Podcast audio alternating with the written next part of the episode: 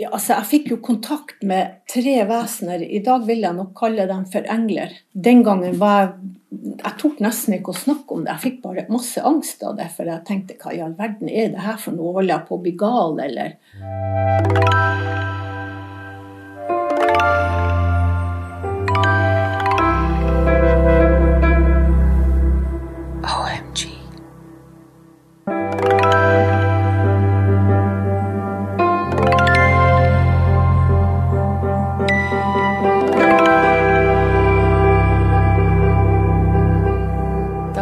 Avsnitt to. Då är det avsnitt nummer två. Och det gjorde vi dagen efter avsnitt nummer ett. Ja, det gjorde vi. Det Vi bara best. hoppar rakt in i det. Og hva er det vi skal høre i dag? Ja. Det här kan man säga att det är ju eh, kanske mitt specialintresse då. Ja.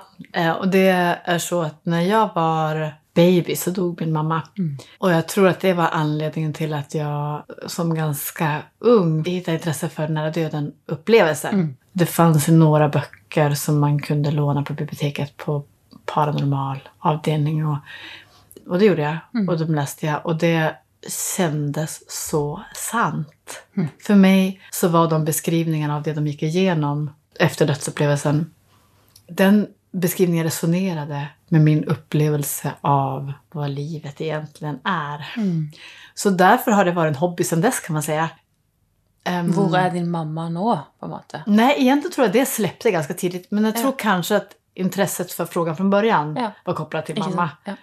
Sen har det blivit en existentiell fråga. Vad är konturerna för vår existens? Mm.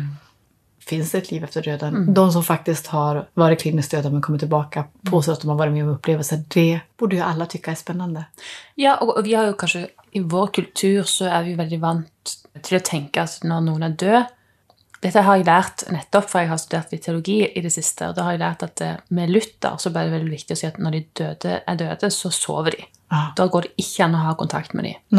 Men i katolsk tradisjon så var dette her mye mer åpent, for dette, det, da var jo de døde kanskje i skjærsilden, eller de, de Og de ble til helgon. Nettopp. Det var ikke så tette skott da, Nei. mellom de levende og de døde, sånn som det er blei etter Luther. Mm. Og sånn har det jo vært i vår kultur helt fram til nå, i, i vestlig kristen tradisjon, at Mm. Det går ikke an å ha kontakt med de døde. Nei. Så er det jo sånn at man har, plutselig så møter man folk som snakker om erfaringer som ikke passer inn i det paradigmet, da. Mm. Det är ganska intressant. Nu är ju det här inte en person som pratar med döda, men det är någonting med ett fält som har kanske varit aningen tabu, som har öppnat upp sig. Och Nu är det ju både många nära döden-konferenser runt om i världen, men om man, go- eller om man går in på YouTube och söker på Near Death Experience så är det inte få träffar man får upp. Det är otroligt många berättelser om människor som påstår att de har varit kliniskt döda och varit med om upplevelser och kommit tillbaka. Jag läste en forskningsrapport som sa att det är 35 procent av de som har varit döda och kommer tillbaka som påstår att de har minnen av en upplevelse. Och det är ju en ganska stor grupp människor Ja. i dagens moderna eh, läkarvetenskap. Og jeg har jo hatt veldig lite med sånne opplevelser å gjøre, eller folk som har hatt sånne opplevelser, men, men jeg har jo syntes det var utrolig spennende å finne ut hva er det man ofte Hva lærer man da? Mm, mm, Hva er det på den andre siden som man har tatt med tilbake igjen? Mm. Så den vi skal møte i dag, Elinor, hun har jo hatt en sånn Ja, hun har det. Og det er litt spennende, for ingen av oss hadde pratet med Elinor før vi møtte henne. Og jeg hadde hatt litt mailkontakt. For som jeg sa så fins det veldig mange internasjonelle røster som beretter om sine opplevelser. Men i Sverige och Norge så är det inte riktigt lika lätt att hitta dem. Kanske delvis för att det är aningen stigmatiserat att prata om sånt offentligt. Men eh, jag fick tag på en man som tipsade om Elinor. Och mejlade henne så fick komma. Så när vi möter Elinor då vet vi inte alls egentligen vilken typ av historia hon har att berätta för oss. Men det blir jo veldig spennende. Ja, hon har också med sig sin dotter i första delen av samtalet. Det vet jag inte om man märker så mycket i podcasten, eller i episoden, men hon är i alla fall där. Skal vi kjøre? Ja, vi kör. Første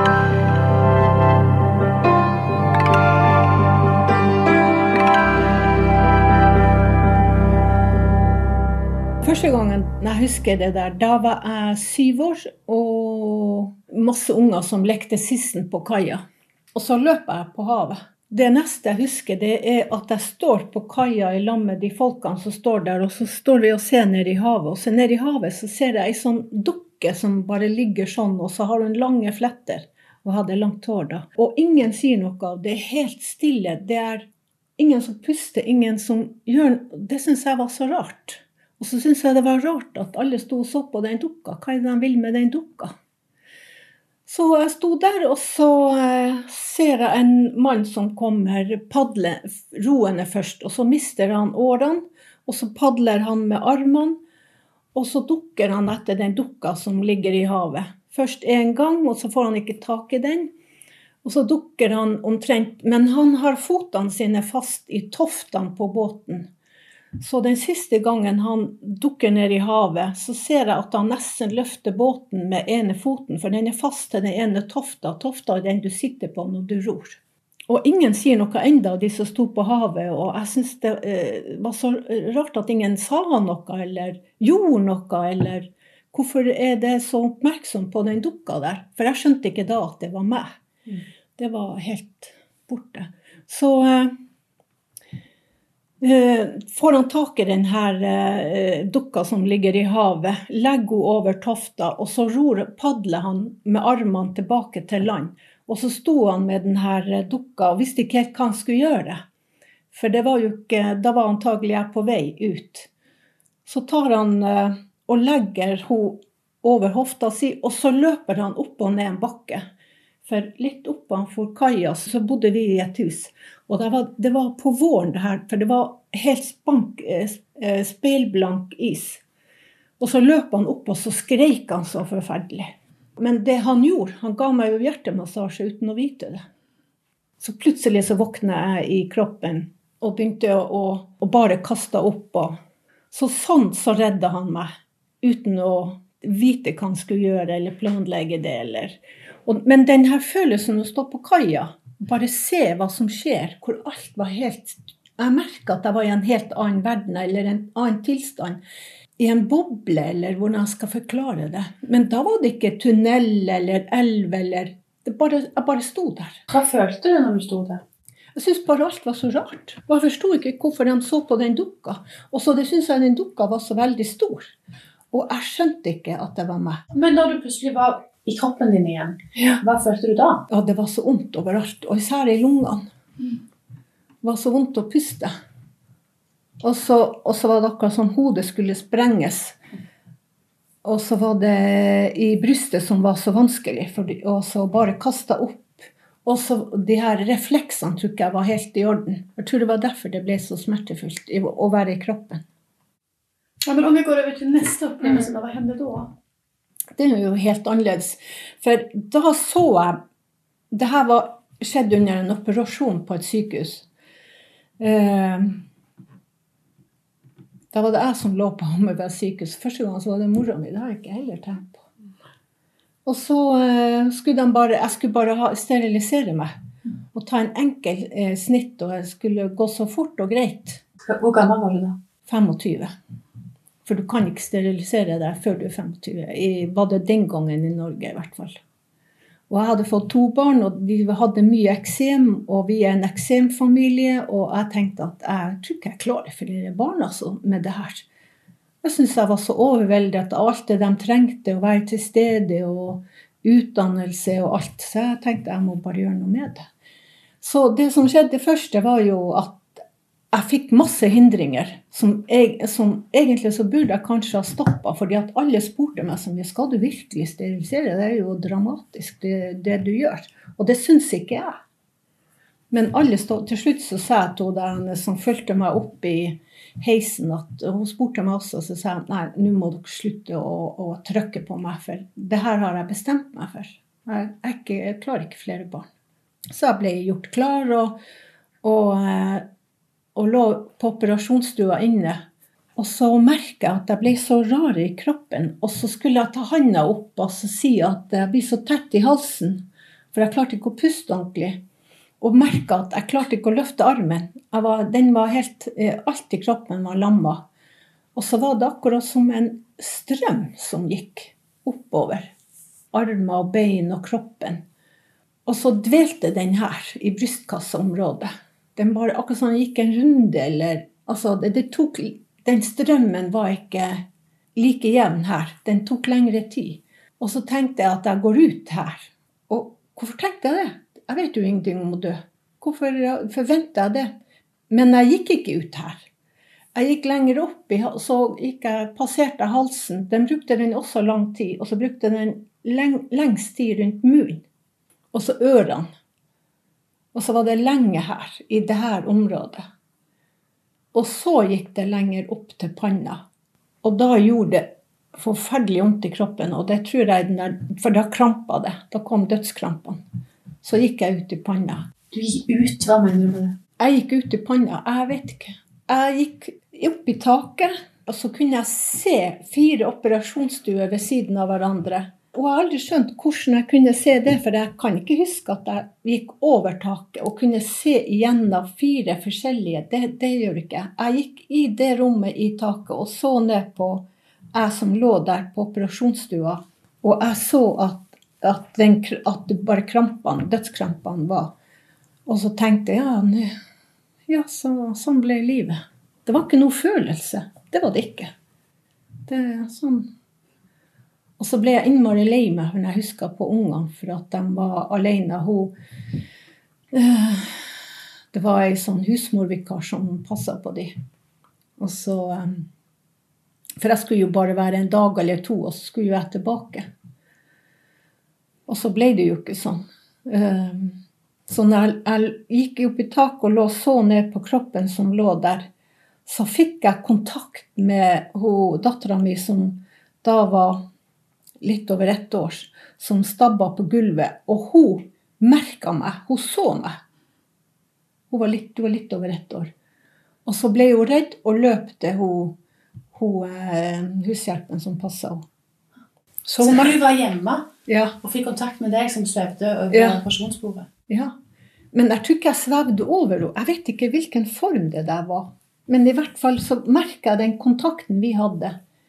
Og så tok jeg kontakt med sønnen min og, og, også prøvde å snakke med han, men han merka ikke meg. Og han var vel over fire år.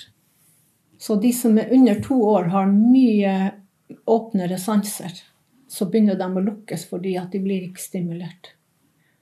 Så jeg fikk jo mye skade, for jeg lå jo 24 minutter uten uh, surstoff. Så mye av hjernen ble jo ødelagt. Så jeg fikk jo masse skader av det. Talesenteret og hukommelsen, de to var mest skada. Og de sa at det her lar seg ikke reparere, og det går ikke an å gjøre noe. Men hva var det som gjorde at det skjedde? De ga meg kurasitt uten å være klar over det. For før jeg kom inn, så hadde det vært en hjerteoperasjon hvor de fikk kurasitt. Jeg har jo jobba en del på sykehuset da, så fikk jeg to som, eh, som gikk inn. Og det syns jeg var rart. Det skulle jo bare være én en slange. Men jeg tenkte de vet vel hva de gjør. Men det gjorde de, visste de ikke. Så var det vaktskifte. Jeg ble lagt i respirator, for eh, de visste ikke hva de skulle gjøre. eller Det regner ikke med heller at jeg hadde ånden min med meg, for man blir jo så hjerneskada og regner ikke med at det er noe mer igjen. Så jeg ble bare lagt i en respirator, og så kom det en sykepleier, en dansk sykepleier på jobb, vaktskifte, og hun sa herregud, hun ligger jo med kurasitt da hun oppdaga det. Har du flere minner av den opplevelsen enn å se operasjonssalene og barna? Ja, altså Jeg fikk jo kontakt med tre vesener. I dag vil jeg nok kalle dem for engler. Den gangen var jeg Jeg tok nesten ikke å snakke om det. Jeg fikk bare masse angst av det. For jeg tenkte hva i all verden er det her for noe? Holder jeg på å bli gal, eller hva er det som foregår? Og de, sa, de forklarte meg så mange ting. De sa hva som skjedde. De sa at du får sånne og sånne problemer nå. Og du må eh, gjøre sånn og sånn for å klare å komme deg tilbake. Så jeg fulgte jo en, en sånn veiledning av de til å klare meg seinere. Jeg jobba da som legesekretær. Jeg kom aldri tilbake i jobben igjen, for jeg huska jo ingenting. Jeg, helt, jeg eh, følte at det var helt slett.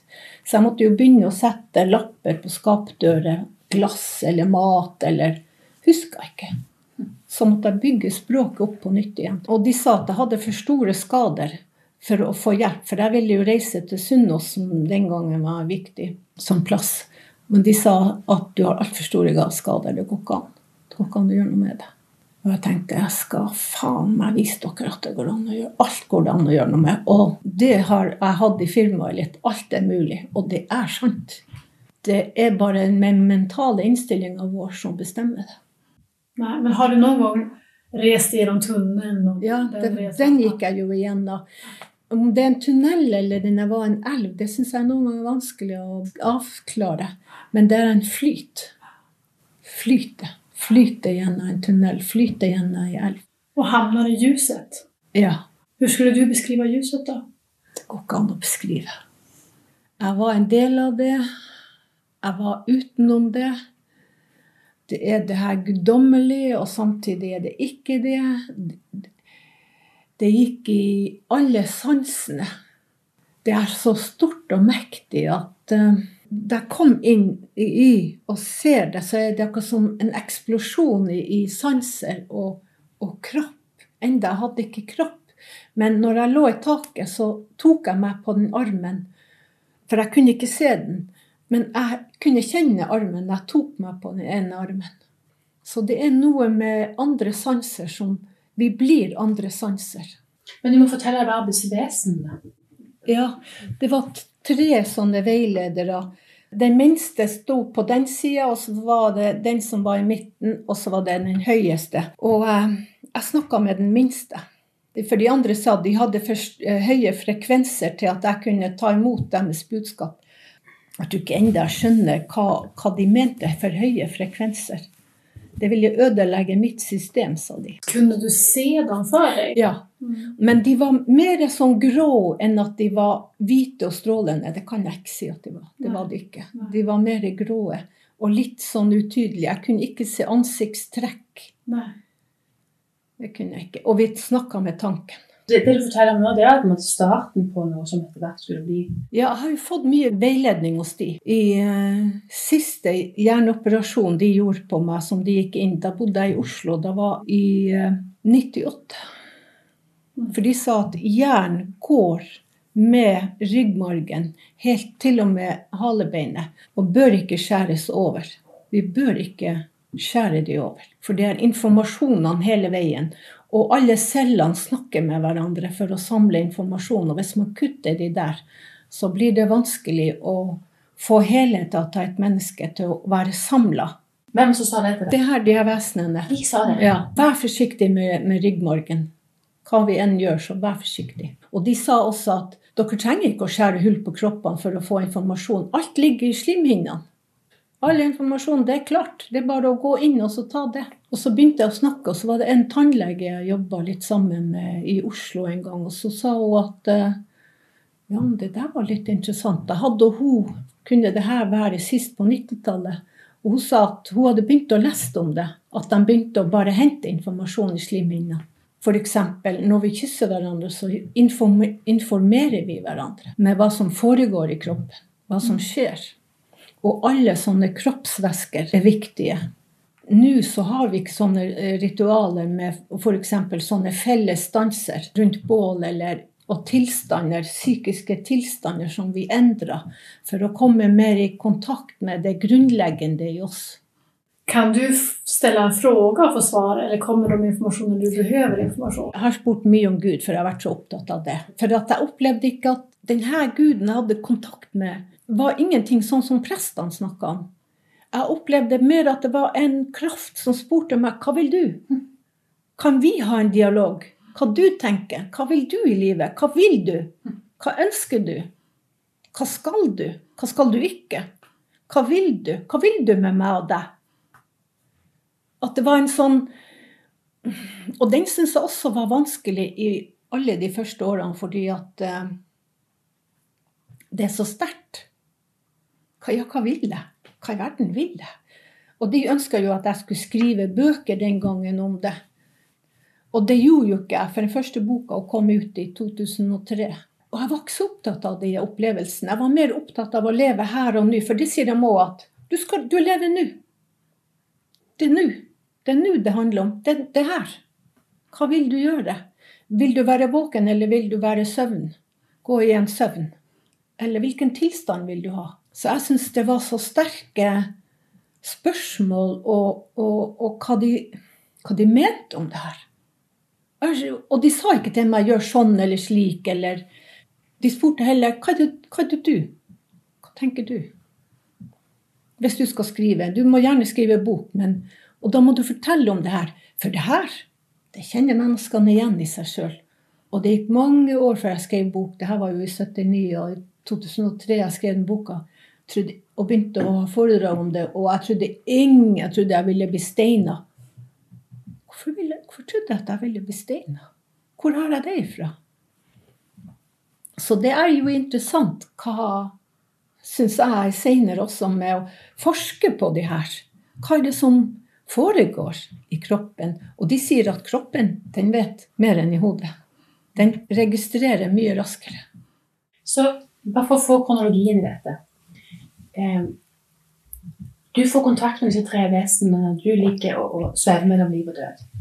Og så havner du tilbake igjen i kroppen din, kommer tilbake til livet, og må begynne med en lang opptrening. Hvordan har du kontakt med disse vesenene etter det? Hva, hva, hvordan ser livet ditt ut etterpå? Jeg, jeg ble jo så redd. Så jeg sa dere må gå ut, dere må gå på trappa. Jeg klarer ikke det. det, det, det jeg klarte ikke å forstå. Kanskje ikke alt de sa, eller hva de gjorde, eller hva de ville meg. Hva ville de meg? Og jeg hadde nok med å overleve. Jeg, klar, jeg hadde så vanskelig med, med det språket, med å få ordene på plass. Og så hadde jeg to små unger og var gift med en fisker. Jeg ville ikke mer. Og, og han, sønnen min hadde også problemer med å snakke. For før denne ulykken skjedde med meg, så drev jeg og trente For jeg reiste jo rundt bl.a. til Statens senter for å få hjelp til å trene han opp og snakke, for han snakka ikke. De sa at jeg skulle levere han på en institusjon i Oslo, og det ville jo ikke. Jeg bodde da i Finnmark, og de mente at vi, de ikke hadde noe tilbud til han, og det hadde de ikke. Men jeg var ikke villig til det, så jeg tok eh, Vi reiste hjem med alle ungene, begge ungene. og Å gud, hva det var vi snakka om? Nei, hvordan, hvordan du fikk får kontakt med resten etter dette? Nei, jeg var mest redd. Jeg visste ikke hva jeg skulle gjøre med det. For jeg merka jo mange ganger at det var nesten så at jeg gikk ut. Den der kampen hadde jeg i mange år. Efter at du hadde gått ut i kroppen Ja. to ganger, så kunne du liksom Ja. Hele tida gå ut, forsvinn, gå ut. Vi hadde en hund da, så jeg tok ofte hunden med, og så løp jeg i fjellene og skrek etter navnet mitt. Det syns jeg hjalp meg for å komme tilbake etter kroppen. Men det er bare du lysna på dem da? Kanskje etter 2000. For de sa at nå blir du syk, nå får du sånn og sånn, og nå får du det og det. Og det skjedde. De sa at nå får du lungebetennelse, nå får du For jeg har hatt så mye infeksjoner. Og de sa det. Og det er fordi du lytter ikke. Den som ikke lytter, den har ingenting i livet å gjøre. Da blir du lagt til jorda. Og hvis du ikke lytter da, så blir du lagt i jorda. For da er funksjonen din over. Jeg syns også det var så beinhardt det de sa mange ganger. Jeg syns det var hardt å si det. Ja vel, så har ikke jeg en funksjon. Jeg klarer i hvert fall ikke mer enn det jeg gjør. Så jeg syns ikke det bare er sånn rosenrødt og flott og fantastisk, de her eh, nær-døden-opplevelsene. Jeg er jo ikke det. Når de var små, så gikk jeg tur med dem. Og da brukte jeg ja, vi har en lek som heter 'Hvem ser huset vårt første dag?' For jeg huska ikke. Det var bare to røde og ett grønt hus. Jeg trodde mange ganger jeg bodde i det grønne, og så måtte jeg lage en B-plan. Hvis jeg kommer inn i det grønne huset, hva kan jeg si? Og det har jeg enda mareritt om. Jeg går inn i feil hus. Jeg syns det har vært eh, tøffe erfaringer. Jeg syns kunnskap er fantastisk. Det er noe av det viktigste i livet. Og så har jeg lest mye og utdanna meg mye for å forstå hvordan livet henger sammen, og hvordan de her åndevesenene ser oss utenfra på en måte. For det er jo helt to forskjellige liv. Det var jo derfor ikke jeg klarte å gå inn i det livet de forespeila meg. Jeg klarer ikke å være der. Jeg må være her, familien mine. Men upplever du att de menar att du kan vara både och samtidigt? Ja, ja, det, det jo bare jern, sa de. Det er jo bare det mentale. For alt det du føler innover nå, alt sånt der er det utover også hele tida. Det er en puls. Akkurat som havet er en puls ut og inn. Som pusten deres er ut og inn. Alt er sånn. Og disse vesenene, hvordan opplevde du at de snakket til deg? Kunne du se dem? Kom de på natta når du sov? Jeg kan sitte og skrive helt vanlig. Plutselig så har jeg skrevet masse som jeg ikke nesten forsto. Hvor er det her kommer ifra? Eller jeg kunne ha sånne drømmer om natta. Få nattbesøk har det vært mye av. Og nå når jeg i 2009, som det var den siste, hvor jeg følte at hadde ikke lyst til å gå videre, for det virker så for deilig å komme til den andre sida hvor kunnskap er åpent, hvor eh, det er åpenhet om å snakke. Man tiltaler hverandre, med en avklart vennlighet som jeg savner, som jeg kan savne. Altså, det var, alt var så annerledes. Lukt, lyd. Så jeg tenkte at nå har jeg lyst til å gå over. Men hvorfor sier jeg det her? Da lå jeg på sykehus, og da fikk jeg flere fra familiene mine som kom og besøkte meg og spurte meg om er ikke det nok kamp nå? Skal du ikke egentlig ta opp det som du egentlig skal gjøre i livet? Og det var eh, to menn som gikk rundt meg. Den ene var faren til mora mi. Han har jeg aldri sett i livet. og jeg bare visste det med en gang hvem han var. Og så var det en svigerbror som jeg har vært sterkt knytta til gjennom hele livet. Jeg hadde betennelse på hjernen, jeg hadde betennelse i lungene, i tarmsystemet, i lever, i nyre hvor det var, Og i hjerteposen, men ikke selve hjertet hadde jeg betennelse. Nei. Det hadde jeg ikke. Så du var svårt sjuk, helt enkelt? Ja, helt, veldig dårlig. Mm. Og Og, og de, tenk, de kommuniserer til deg grunnen til at du er syk, det er at du kjemper imot. ja. Nå må du velge. Forhold deg til det som skjer. Og da så du disse menneskene som var døde. De kom til deg. Og skulle hjelpe meg og støtte meg Mm. og stå der. Mm. Men jeg syns bare det også har vært Jeg syns ikke det har vært så enkelt og lett. For jeg syns det blir store ting. Nå har jeg skrevet ei oppfølgingbok som heter 'Etter mellomrommet'. Etter det. Etter den første boka. Hvordan ble egentlig livet? Nettopp ut ifra at ja, ble alt sånn som de sa. Og det ble jo ikke helt eh, Jo, det ble sånn en periode, men så For de sier at alt endrer seg. Alt skal endre seg. Og det går fortere og fortere. Og det blir mer og mer sånn ustabilt vær, og det blir sånn og sånn hele tida. Så det, det visste jeg. Hva skal jeg gjøre med det? Skal jeg bli en talsmann fra andre sida? Og det føler ikke jeg kanskje at jeg har lyst til. For det er jo ikke alle som får lov å bli kropp. Vi er et utvalgt som får være i kropp. For det er veldig mange som er i ånd hele tida. Men det er få som får være i kropp. Så det, det er spesielle liv. Og det syns jeg også er så ansvarsfull å skal gå og snakke så mye om. For jeg, jeg tror på frihet. Det tror jeg på. Alle må være fri, for det er da de virkelig kan velge. Og det er jo så sjelden vi kan være fri, fordi det er så mange kompromisser vi har hele veien med mann, med familie, med bla, bla, bla. Men jeg tror på frihet. Og jeg tror på at menneskene skal være fri, for det er da vi virkelig kan gjøre ting. Og så klarer ikke jeg sjøl å være det. Det er frustrerende. Ja, jeg syns det. Eksempel etter den ulykken så ble faren til ungene borte på havet. Og så, så, så sa jeg nei, det er ikke så farlig, han kommer tilbake. Eller jeg sa det vel ikke til alle, for da blir man jo redd. Nei, det, det ordner seg, det går bra. Jeg tror det går bra. Og folk ble så sinte på meg fordi at jeg var så rolig og, og kalte meg for en kaldfisk og som ikke brydde meg og sånt. Og det syns jeg også ble så vanskelig. Hva skal jeg forholde meg til? For det blir så store spørsmål. Og eh, så, altså, etter det så tenkte jeg jeg jeg vil ikke se framtida. Jeg vil virkelig ikke se framtida. Så jeg ser en del ting, men det jeg, ser, det jeg kan se mest, det er hvordan andre har det. F.eks. det med å jobbe med folk som har det vanskelig, eller når de har mista noen, og så knytter de kontaktene. For de sier det er bare en pust unna. Så jeg skjønner det du sier, at moren din At du eh, kjenner henne. Mm. Dem, og når vi er under to år, så, så er alle de der eh, sansene våre åpne. Og de snakka en del også om samstemthet i sansene. For noen ganger så kan jeg fornemme en smak som jeg bare hører. Altså blande sansene. Og de sier at det er sånn. Ja, det kan man. Farge, f.eks. At det er lyd. Og de snakker også mye, og det gjør de enda, om, om de, alle de her livene vi har. Og at vi må ha respekt for oss sjøl. Og de valgene vi gjør. Det var det første de tok opp med meg seinere når jeg begynte å bli bra. Det var valg. Og jeg ville ikke bo på den plassen der jeg bodde. Jeg ville flytte og gjøre andre ting. Jeg ville gå på skole, jeg ville lære, jeg ville få språket mitt i orden. Jeg ville komme meg videre, men så fikk jeg jo ikke hjelp til det fordi at jeg mente at jeg hadde for store skader. Så det tok jo fem-seks år før jeg kom videre på skole. Fordi at jeg måtte bevise overfor de bevilgende myndigheter, da sosialkontoret.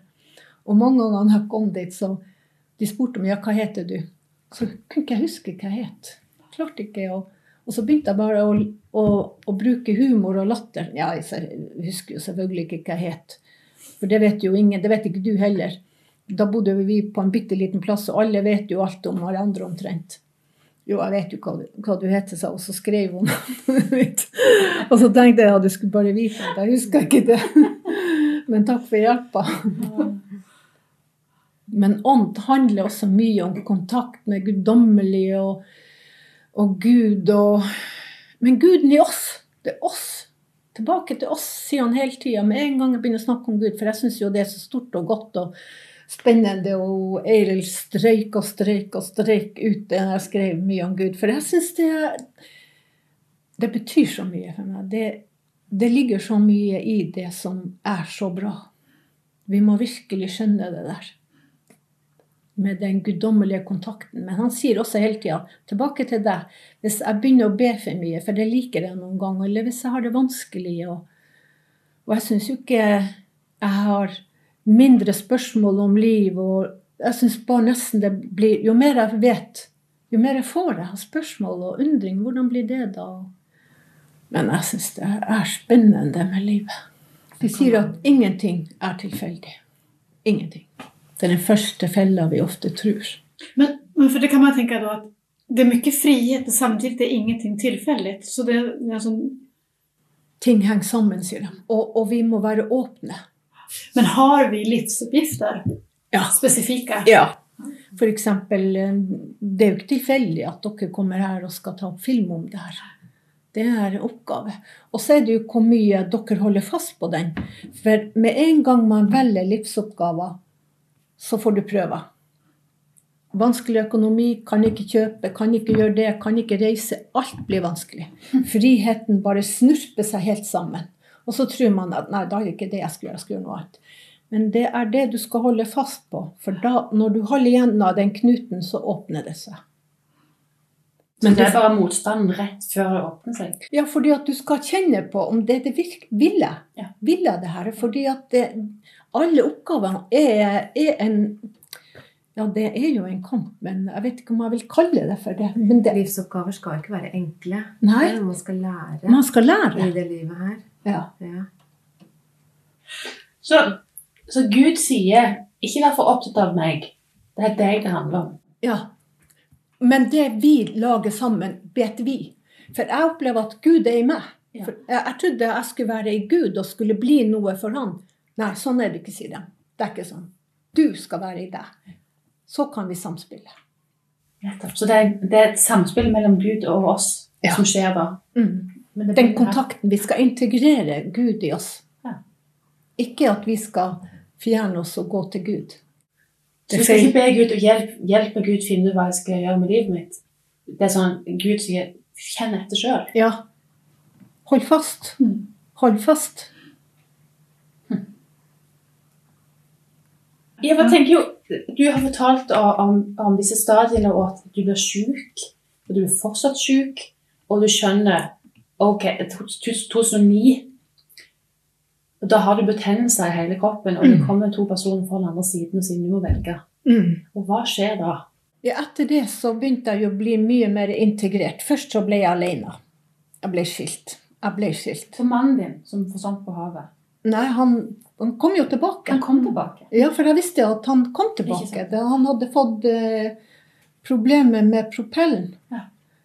Så, eh, så jeg var ikke redd. Jeg visste det. Ja. Så det var Men hvordan visste du det? Jeg visste ikke.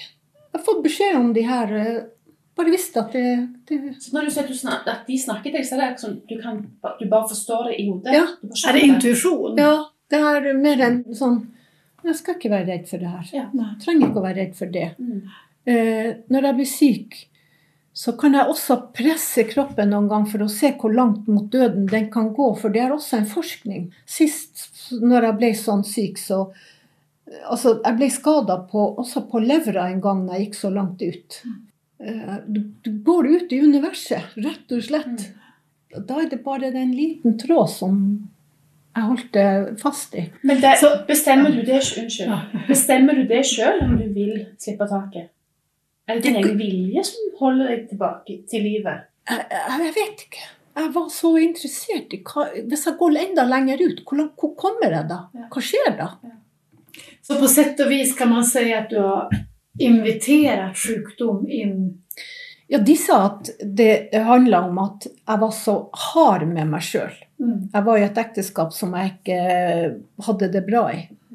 Og de sier de at da går du i stykker. Og det gjør du sjøl.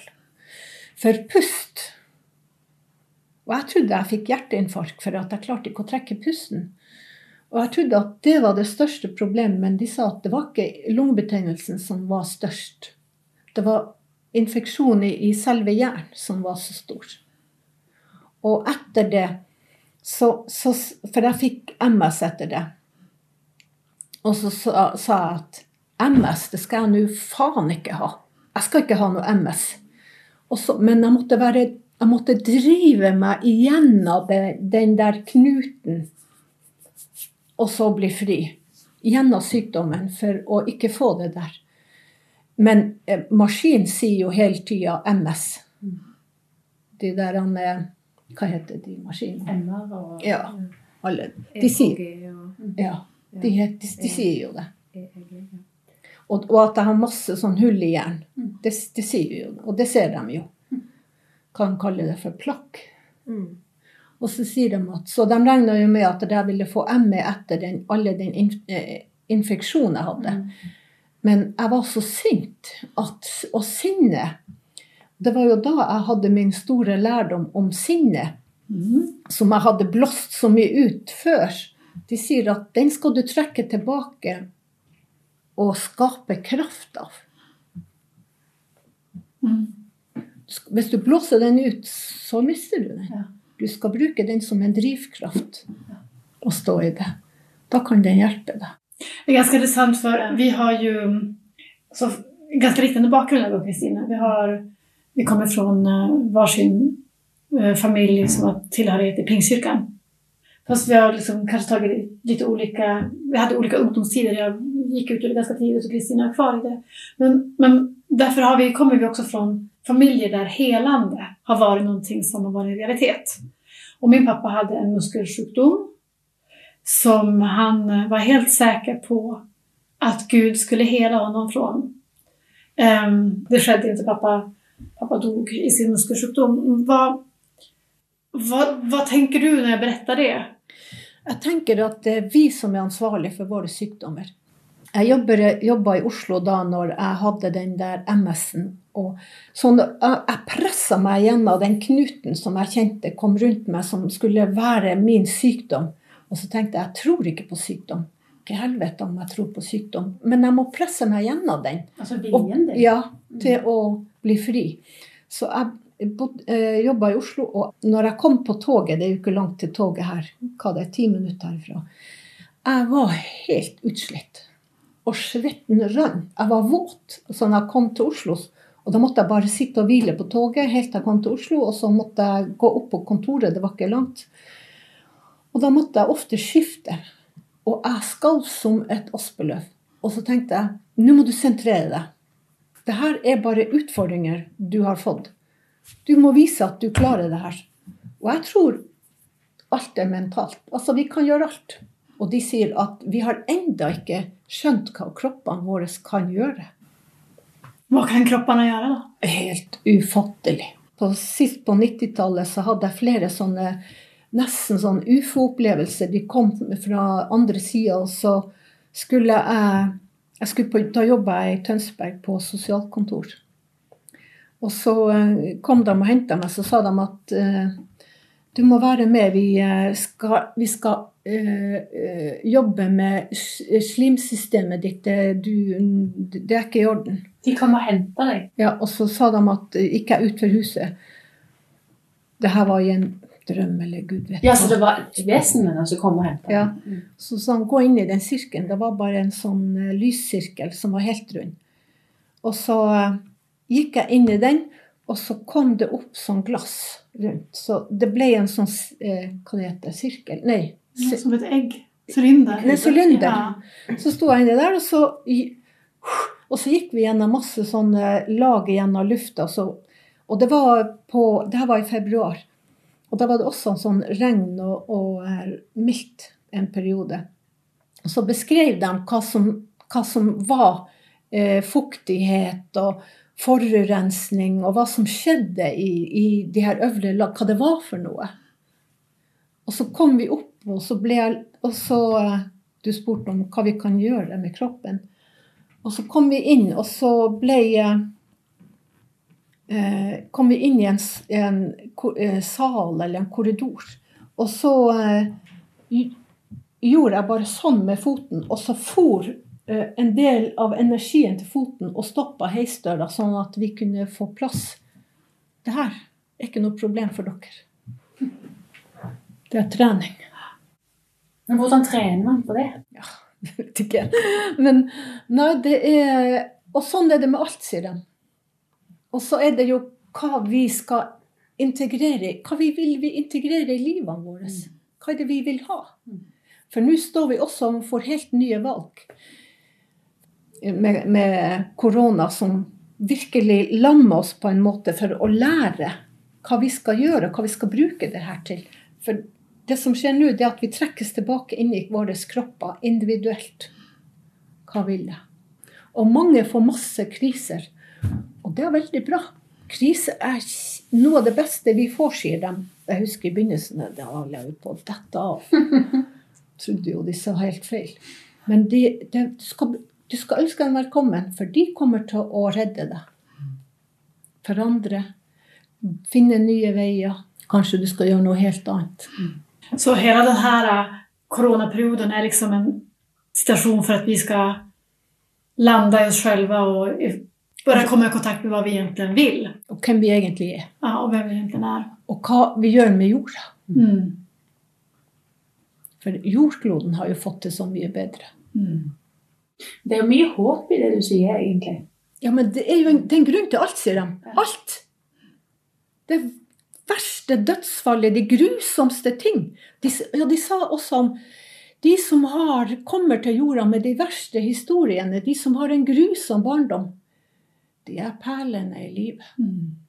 De er perlene, sier de. Og det brukte jeg mange år for å virkelig å skjønne hva i Guds navn er det de mener. Perler er en sånn grusomhet. Jo, det er det. Fick du förklaringen på hvorfor de var perlene, da? Fordi at de har en visdom, en kunnskap og en innsikt som alle trenger. Hvis de vil bruke det. Det er også et valg vi kan ta. Det tror jeg på jeg har det, eftersom jeg har lest så mange nära opplevelser, så leste jeg en som, som berättade at når ni kom på andre siden og, og møtte en ljusgestalt så frågade han men varför är det så mycket lidande? Det har inte jag förstått. Varför är det så orättvist? Varför?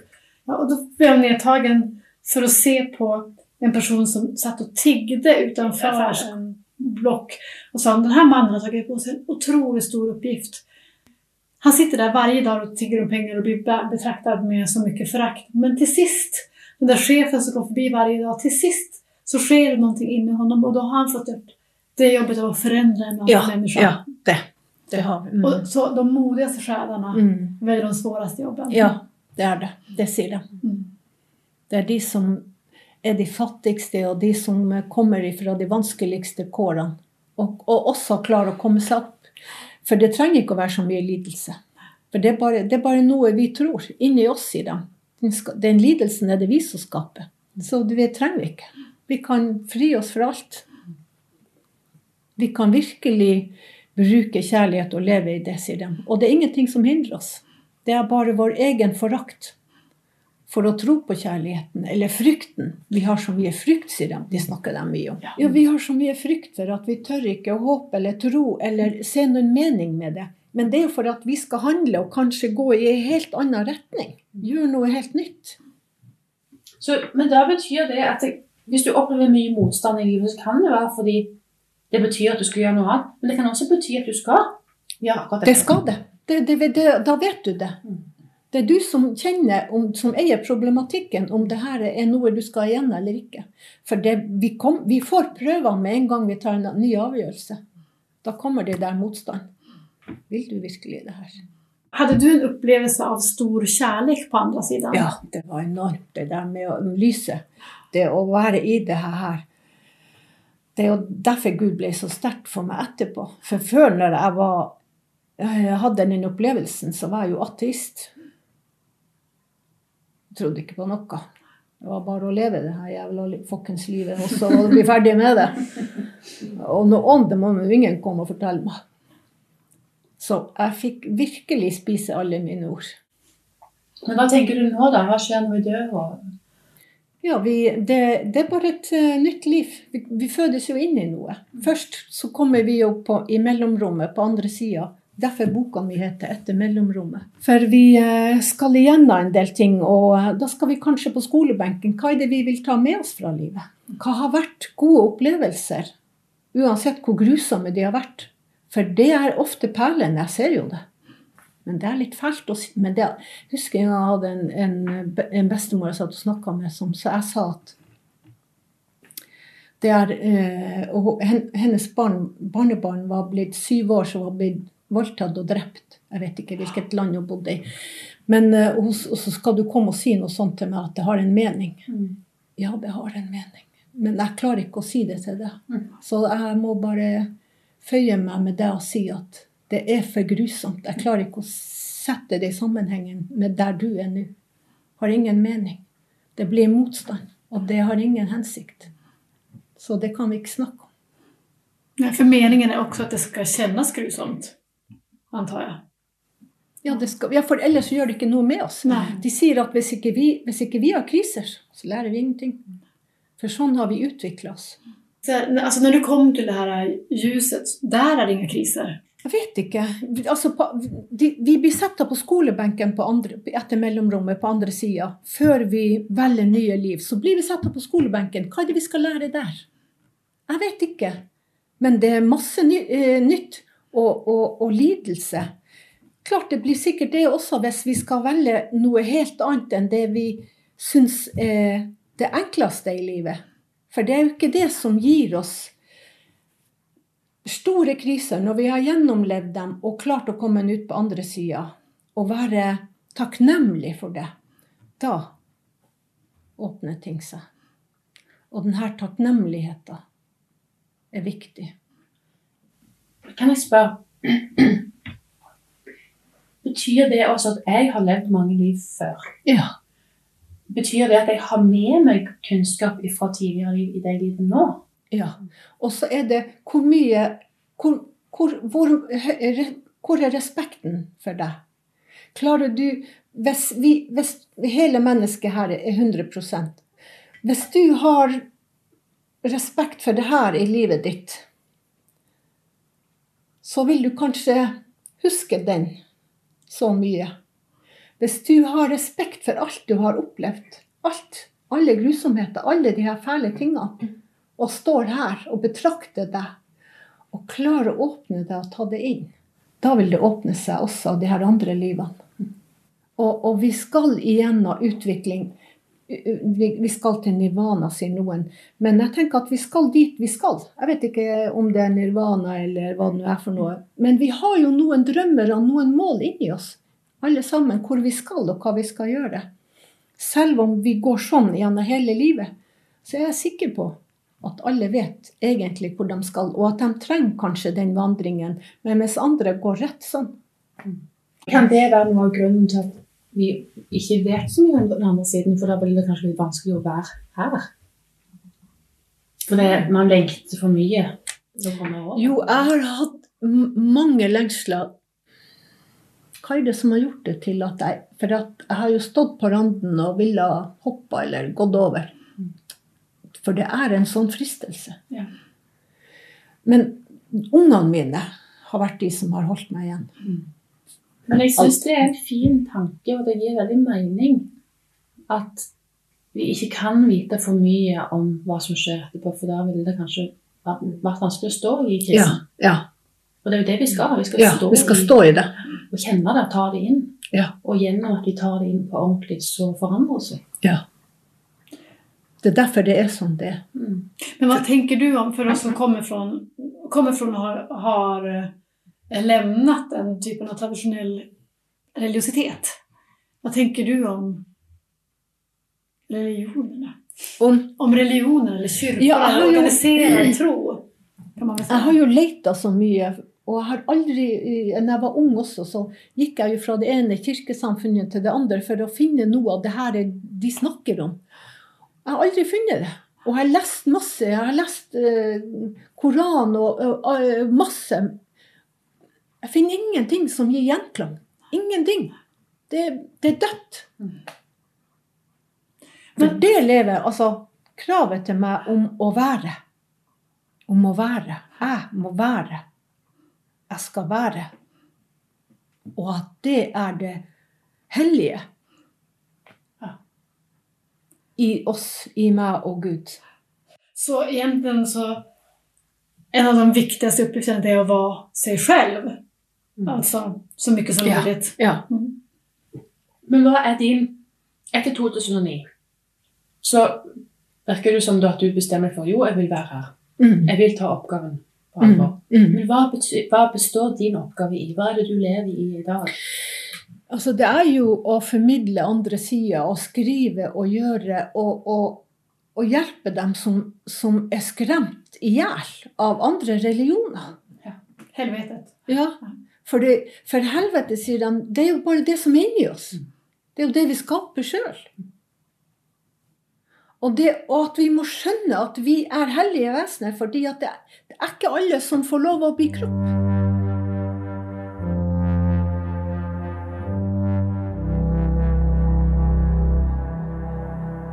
Det har jo vært redd for å gi folk falske forhåpninger eller eh, Tenk om det her ikke er sant? Tenk om det er min psykose? For det skriver jeg også om, for det kan det jo være. Det er jo det alle har sagt til meg. Det er jo en psykose du har. Ja, kanskje det er det. Kanskje det er en psykose at jeg tror så sterkt på Gud. Men da, da skal jeg være i den psykosen. Da velger jeg den.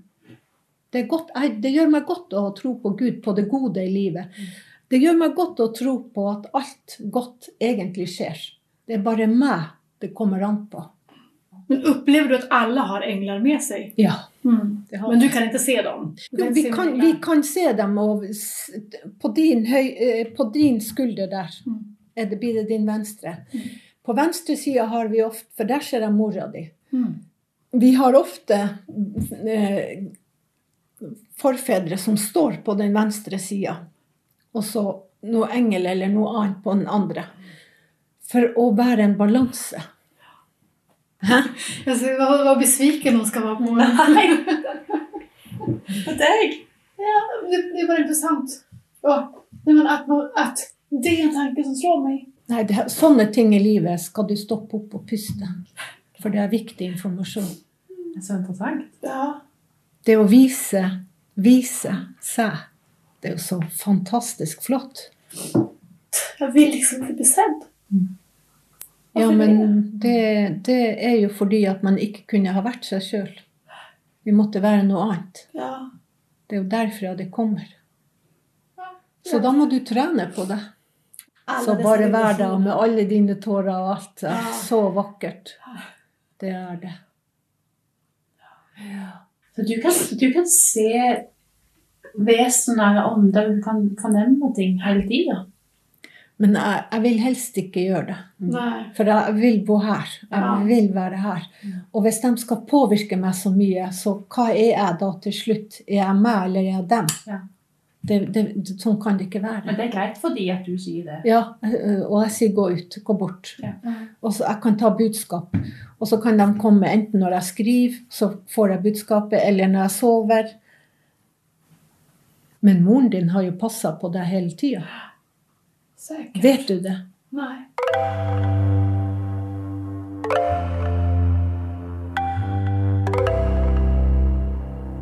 Men hva tenker du når du møter mennesker som sitter helt fast? For det har vi sikkert alle i livet. Personer som vi kjenner at hur skal jeg kunne hjelpe denne mennesken? Hvilket mørke den sitter i. Jeg kan ikke hjelpe noen før noen spør meg. Nej. Ingen. Ingen. Så de må komme den dagen de er klar. Da kan vi sammen finne Jeg kan kanskje være en veiviser, men jeg liker ikke å invadere folk. Det, det er en forbrytelse mot menneskeheten. Så mange har jo spurt meg, så jeg har sett at folk har gått rett inn i fellene sine fordi at jeg ikke har grepet inn. Men jeg Ok, da får de en ny sjanse, sier jeg til meg sjøl. For jeg kan ikke det. Å invadere folk, det er en forbrytelse. Den er så sterk for meg. Den kan jeg ikke overskride. Så om du f.eks. hadde hatt et ett barn som hadde börjat missbruka narkotika, for å ta et eksempel bare Du hadde inte tagit med den og låst in den på en stuga på fjellet til den var avgiftad. Kan ikke gjøre noe før den er klar til å gjøre noe. Det er kanskje den, den personens oppgave også i livet, å håndtere den utfordringen. Ja. Og, og, og så har jo jeg masse å lære av det sikkert. Ja. Om lidelse, avhengighet. Men hvis man tenker da at eh, Si at jeg hadde spørsmål om hva jeg skulle gjøre med livet mitt, eller eh, eller en, en kjærlighetsrelasjon, eller andre ting da, som er store og viktige for meg. Det er jo fristende å tenke at hvis jeg spør den personen Samtidig så kjenner jeg jo at det er noe i meg som ikke har lyst til det. Fordi jeg har lyst til å stole på at, jeg, at Gud i meg skal hjelpe meg. Mm. Skjønner du hva jeg mener? Mm. Mm. Det er sånn jeg jobber. Ja. Hva er det Hvis noen kommer til meg og stiller sånne spørsmål, ja, ok, da får vi begynne der. Ja. Hva er det du vil, og hvordan vil du, og hva er det du lengter etter? Og fortell meg om de tingene. Mm. Og hvordan du er bygd sammen. Og hva du lengter mot. For når vi lengter fra oss mot den, så lengter vi jo mot noe. Så hva er det du ser som du vil ha, som det her livet ditt handler om? Fordi det du sier det- Dette har jeg spurt meg selv mye om. fordi når jeg var tenåring, så levde jeg i et, et, et ungdomsmiljø som var veldig opptatt av at vi skulle måtte gi alt fra oss. Alt skulle Gud få. Så skulle Gud liksom bruke oss. Men det gjorde jo at jeg stolte jo ikke på ting jeg hadde selv lyst til. For da ble jo det et problem at jeg ville noe. Mm. Så det har vært vanskelig for meg i voksen alder. Så, å, men tenk hvis jeg vil det. Da kan det være at det er en fristelse, noe jeg ikke skal ha. Vi skal styre vårt liv. Ja. Det sier han hele tida. Hva vil du? Hva vil du? Å gå etter det du vil. Ja, hva vil du? du må, og så må vi handle. Og klarer vi ikke å handle, så er det kanskje ikke sterkt nok. Men hva er det som hindrer? Er det fordi at man er blitt, livsviljen er blitt klippa av? Så må man reparere den. Og hvordan gjør man det? Jo, det er mange måter man gjør det på. Man kan gå i meditasjon eller i indre bønn og så hente de tingene og så sy de sammen. Og så se for seg hvert sting, hvordan du syr det her sammen, viljen eller kroppen, eller hvilket bilde du gir din vilje. Du setter det, og så syr du. Og så bruker du det bildet i meditasjon kanskje ett år. Da du blitt hel.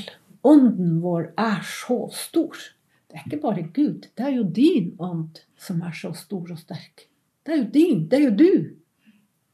Og de sier så mye som man ikke lærer noen plasser. Er det virkelig sant? Det, kan jeg stole? Kan jeg tro på alt det her? For det er alltid så annerledes. Jeg har ikke hørt på det. Jeg har ikke hørt det noen plasser, andre plasser. Vi lærer jo nesten det motsatte. Ikke tro du er noe. Ikke, Ja. ikke ønsk deg noe. Mm. Tenk at Sikre deg. Mm. Men du, de sier det motsatte. Hva vil du? Hva ønsker du? Hva vil du ha? Se på alt du kan få i livet. Hva vil du ha? Jeg vil ha kunnskap, jeg vil ha respekt. Jeg må, det er noe med respekten min, kanskje. Så den har jeg jobba mye med. Fordi at når man har de her erfaringene, så, så blir man jo også litt latterliggjort. Og det er jo jeg blitt. Eller tiet i hjel. Vi er ti søsken. Vi er ikke noen religiøs slekt, men vi er ti søsken. Mora mi kom fra Island og ville skape sin egen flokk. Ja. Og vi er veldig sterkt knytta til hverandre, og vi er veldig forskjellige, men de tier i hjel alt det her jeg sier. Og det har vært sterkt. Det har vært styrende for mitt liv. Fordi at jeg elsker dem så mye. Jeg, bare, jeg tar bare inn det du sier. Kjenner det igjen. Ja, kjenner det. Det er det de sa til meg. Begynn å snakke. For jeg var jo livredd. Nå blir jeg steina i hjel. Det er jo ikke det. Alle sa også jeg kjenner det igjen. Kjenner det når du snakker. Kjenner det her. Men kan du oppleve at det er nye tider på gang? For jeg kan tenke at Jeg syns att det kjennes som at i hele kulturen så fins det, det som et, et nytt rum som åpner seg. Jeg tror att folk er mer åpne for å prate om det offentlig. Vi blir pressa tilbake. Mm. Og da må vi kjenne på hva vi vil med livet. Fordi at det blir så store spørsmål nå. Og da vil folk kanskje åpne litt mer. I, I min krets så har jeg folk som eh, har reagert på hela coronakrisen med veldig mye redsel. Og, og, noen tror at verden skal gå under. Og, altså det er mye, mye mørke tanker. Verden går ikke under nå heller. Det gjør ikke det. Du vet, Vi vokste opp med at Jesus skulle komme igjen, og Armageddon, og at alt skulle ta slutt. og Man skulle deles inn i himmel og helvete og alt Mm. dette. Og det tror jeg nok sitter i kroppen min også. At det, er en slags, det er vanskelig å se for seg at ting fortsetter. Mm. De siste par årene så har jeg for første gang i mitt liv du kan si, Jeg har mista noen mennesker som har vært tett på meg. Begge mine besteforeldre som jeg var veldig knytta til, døde. En venninne som jeg vokste opp med, døde i fjor. Og for første gang i mitt liv så har jeg begynt å snakke med døde folk. Ja, gjør det. Flott. For det hjelper meg. Ja, det hjelper.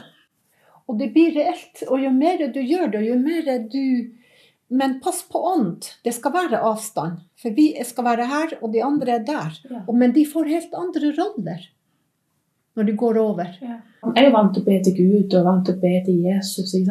Men bestemor og bestefar og venninnen min og en annen venninne også, når du f.eks. har en ting som har med kjærlighet å gjøre, så har jeg i det siste opplevd at jeg nesten til å spørre de om hjelp.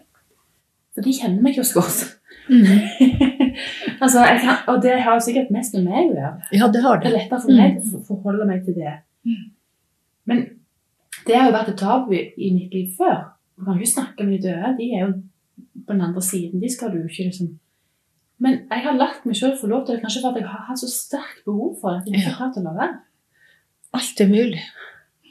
Og så får man jo svar også som ikke er mine når jeg snakker med de som er gått over. Det er ikke mine svar. Hvor kommer det fra? Jo, det kommer fra den andre sida. Så jeg kan på en måte få lov til å velge ut mine hjelpere. Være her fortsatt. Ja, det kan vi. Vi kan bestemme det. Pass på meg. Ofte så får vi jo Så passer dem jo Familien passer jo på oss. Det er jo ofte roller. Og prøve å justere oss når de ser at vi går utfor. Og få oss til å snu. Og prøver å komme i drømmer eller i situasjoner for å signalisere at det her er kanskje ikke så lurt av deg. Ta en runde til og se hvor du kommer. For når vi ikke vi er den vi egentlig er, så, er det, så blir alt vanskelig. Så får vi psykiske problemer. Vi har jo et sterkt ego, mer eller mindre. Mitt ego har jeg jo litt knust med alle de her eh, opplevelsene. Men, og det er ikke noe bare bra, fordi at egoet handler om roller og funksjoner i livet som skal hjelpe meg og hva jeg skal gjøre og ikke. Og velge ting. Så jeg, når jeg går inn i meditasjon, så må jeg gå forbi egoet, som handler om ja, men det må jeg gjøre, eller det passer, eller Hvis jeg bare åpner, åp, bare tenker åpne, åpne, åpne, så kommer det til lyset til slutt. Så du kan komme dit også bare her og nå? Mm. Alt er bare en tre Alle kan komme dit. Det er bare en treningssak. Vi kommer dit vi ønsker. Men vi må kanskje trene mye. Jeg husker i begynnelsen når de snakka når jeg, For jeg sa at jeg, jeg skjønner ikke, eller jeg forstår ikke, eller jeg kan, jeg, jeg kan ikke uttrykke mine ord fordi at jeg hadde mista språket. Ja, men det er jo fordi at det passer deg. Du vil jo ikke. Og så må jeg gå inn og kjenne er det riktig det de sier? Ja, jeg orker ikke å anstrenge meg. Jeg, jeg vil være i fred. Og jeg hadde veldig behov for å være i fred etter, når, i begynnelsen, når jeg begynte å sy sammen hjernecellene igjen. Og gjør det fysisk. Men ting henger sammen i livet. Det var en av de tingene jeg skulle si i stad. Sånn som han sønnen min som ikke lærte seg å språk. Så drev jeg og trente og trente og laga et eget system, for jeg fikk ikke den hjelpen som jeg trodde på, eller som funka, eller fordi at jeg tok han tilbake til Finnmark. Og så laga jeg et system sjøl. Men det systemet brukte jeg sjøl året etter, når jeg var utsatt for den ulykken og kunne ikke huske. Tenk det. Så kanskje derfor sønnen min ikke hadde Altså, sånn hengte livene sammen. Og han har trengt mye hjelp i livet. Han har så mye allergier og hatt så mye problemer og ADHD og masse greier. Og han er vel noen og 40 nå. Men jeg hjelper han. Er det noe jeg kan gi han, så får han. Uansett hva. Og det tror jeg på. For de sier 'rekk ut ei hånd'. Mange sier jo at nei, nå må du la ungene dine klare seg. Nå må du la dem gjøre sånn og sånn. Jeg tror ikke på det. Jeg tror på hjelp. Jeg tror på fellesskap. Jeg tror på at vi kan bygge hverandre stor. Og det er da vi blir stor. Og når man snakker med mange menn, så kjenner vi For de sier også dere tilhører jo hverandre. Dere er, og så sier Nei, de sier en ting til. Dere er, hverandre er, dere, er det dere har, og ingenting annet. Dere har bare hverandre. Men, og det skjønner ikke jeg helt. Hva er det det betyr? Dere har bare hverandre. Og nå denne korona. Dere har bare hverandre. Dere har ingenting annet. Ser du det nå? sier de. Jeg, men jeg, jeg vet ikke om jeg skjønner det. Dere har bare hverandre. Jeg synes det er interessant. Jeg, synes, jeg tenker på hvordan jeg sjøl før nå i min åndelighet har vært veldig opptatt av ingen skal eie meg, jeg trenger å være fri. Men det har også gjort meg kanskje litt arrogant og, og, og sta og stolt. Kanskje du trenger det. Kanskje du trenger det for å få din frihet. Ja, jeg tror det, og så tror jeg i tillegg at etterpå så har jeg skjønt at Gud kommer til meg gjennom andre mennesker. Ja. Men jeg har altså, nå har jeg et sterkt nok eh, selv til at jeg tåler å slippe meg liksom, Mm. løs. da. Så det jeg kan Ja. høre for deg, jeg kan høre for Anna. Jeg blir ikke redd lenger, sånn som jeg var Mm. før. Mm. Jeg, før så var jeg så redd for at noen skulle komme og kontrollere meg. Mm. Men nå er jeg ikke redd for det lenger. Mm. Og det er en sånn stor lettelse. Mm. Og da forstår jeg hva du mener, at vi har hverandre. Mm. Og, og, og Gud for meg kommer plutselig jeg, jeg skal ikke gjøre alt sjøl. Jeg trenger ikke finne ut alt sjøl. Nei. Derfor så gir det så mening at, vi, at jeg skal jo lære også å snakke med deg. Mm. Mm. Derfor er jeg her. Mm.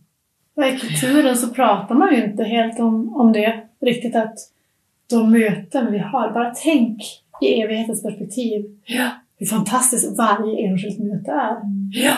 Och, och komma ihåg att om man møter en person så er det en enorm informationsmängd Ja. som just den kan komme til i just mitt liv. Ja. Varje møte er heligt, Ja. typ. Ja. ja. Men alt har en funksjon, og alle er like verdifulle. Jeg husker i begynnelsen jeg hadde den opplevelsen, for de sa at de var spesielle, og så tenkte jeg at gud, så deilig, jeg er spesiell, jeg er helt egen. Nei, du er ikke egen. Du er en blant alle spesielle. Da datt jeg litt ned. ja, det gjorde jeg. Ja.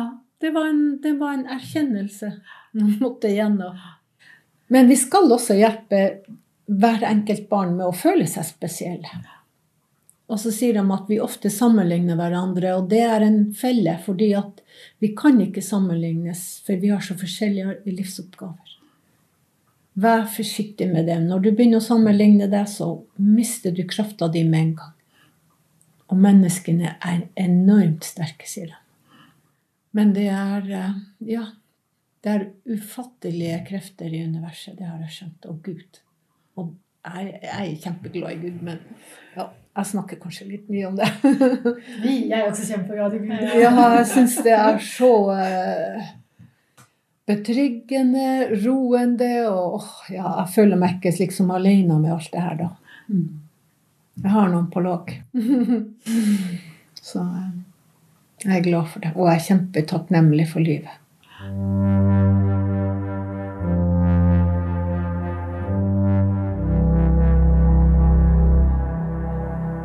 Ja, Jesus. Så. Jeg sier jeg elsker han. Jeg er så begeistra. Ja. Og han ga virkelig sitt liv for oss. For at vi skal være fri og tørre å kjenne på hvem vi er. Det er riktig. Så han er veldig begeistra over. Men bety, Betydde det noe at han døde på korset, tenker du? ja. Hvordan da? Han visste jo oss hva, hvor langt vi kan gå for å dø på en sånn måte. For at menneskene skal bli fri. Tenk på det. At han viste oss at det, det er ikke farlig å dø? Ja, nei, ikke det heller, men at hvor langt han strekte seg for at vi skal bli fri. Altså, hvor mye kjærlighet han viser det i handlingen. Ja. Ja. Tenker du at han måtte betale en pris for å kjøpe oss fri, sånn som de snakker om i kristendom? Han valgte å gjøre det. Av, en, av kjærlighet til oss, fordi at vi skal, kanskje for at vi skal tørre å bli den vi egentlig er. Mm. Han gikk jo igjennom alle de der som prøvde å kjøpe ham Mm. til taushet, som veldig mange av oss ikke eh, avstår, fordi at vi, vi har nå kanskje en gud, og det er penger. Så vi gjør jo hva som helst for penger, for å bli rik. Og... Men hjelper det oss? Mm. Nei, tror ikke det. Og bare, bare navnet hans, da. det syns jeg er deilig. Ja. Ber du til Jesus? Ja. Og samarbeide med han. Ja. Men det er også sterkt. Det er også sterkt. Jeg tåler nesten ikke nærværet av han, for det er så sterkt. Det er så sterkt. Og, og nærværet hans er ca. 27 år for meg. Og blir, han blir aldri eldre eller yngre. Det er den. Og det er noe med det møtet som skjer mellom oss. Det er så sterkt. Og, da, hva jeg blir når jeg kjenner blir, Må jeg bli en annen for å bære den friheten? Bære mitt kors? Det er jo det her vi snakker om nå. Det er jo mitt kors. Mm. Som jeg syns har vært vanskelig. Får du hjelp da av Jesus? Ja. Bare, bare så kommer det. ja. Jeg er aldri langt unna. Og så hjelper det å be om hjelp. Jesus, Gud, engler, familier, hva vi vil. Det er opp til oss. Det er vi som bestemmer. Det, det er makt i foldede hender, sier de. Be, og du skal få. Men du får kanskje ikke det du vil ha, men du får det du trenger.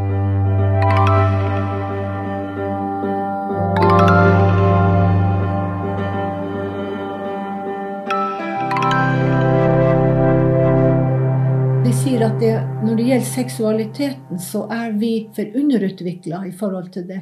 Det skal gjøre oss fri, fordi at det er, en, e- det, er en, det er det edleste som er gitt oss, sier de. Som vi skal bruke til å bli fri i oss sjøl. Jeg syns det er så mye det er, det er så mye hele tida. Det er så mye informasjon. Hva kjenner du at vesenet sier aller tydeligst til deg og oss här? Är det noe som er særskilt viktig just nå for oss å ta med oss? Vi skal hjem til oss sjøl. Vi skal hjem. Alle menneskene skal hjem til seg sjøl og bli den de egentlig er. Og så skal de gå ut. Finne sin flokk. Det skal hjelpe oss å sortere og skjære igjennom og se de her tingene. Fordi at vi er blitt så stressa og så skada av det nå at nå har de grepet inn og stoppa verden. Vi blir bare så skada av det her stresset. Ja. Vi, vi kan ikke fortsette, så de har grepet inn. Stoppa det. Eh, De sa til meg i begynnelsen at For jeg sa at jeg kunne ikke skrive, jeg hadde dysleksi.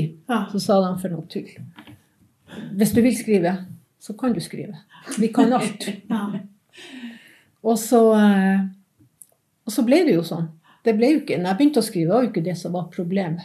Problemet var jo hva jeg skal dele, Ja. og hva jeg skal være åpen på og ærlig på og ikke. Og jeg ville gjerne skjule før. For, for jeg var ikke så perfekt som jeg tenkte jeg måtte være for å ha et sånt, å bære et sånt budskap. For det krevs, jeg har krevd så mye, men de sier det gjør det ikke. Det krever ingenting. Vær deg. Og bare det å bli så fri er jo også fantastisk å bære det. Uten at du, de skal dra meg i en retning. For de sier det er ditt. Livet ditt er ditt. Det gir veldig mening. Ja. Det. Og så skal vi velge det gode og det onde. Velg det gode. Gå med det gode, sier jeg hele tida. Gå med det gode. Uansett hvor jævlig det er. Gå med det gode.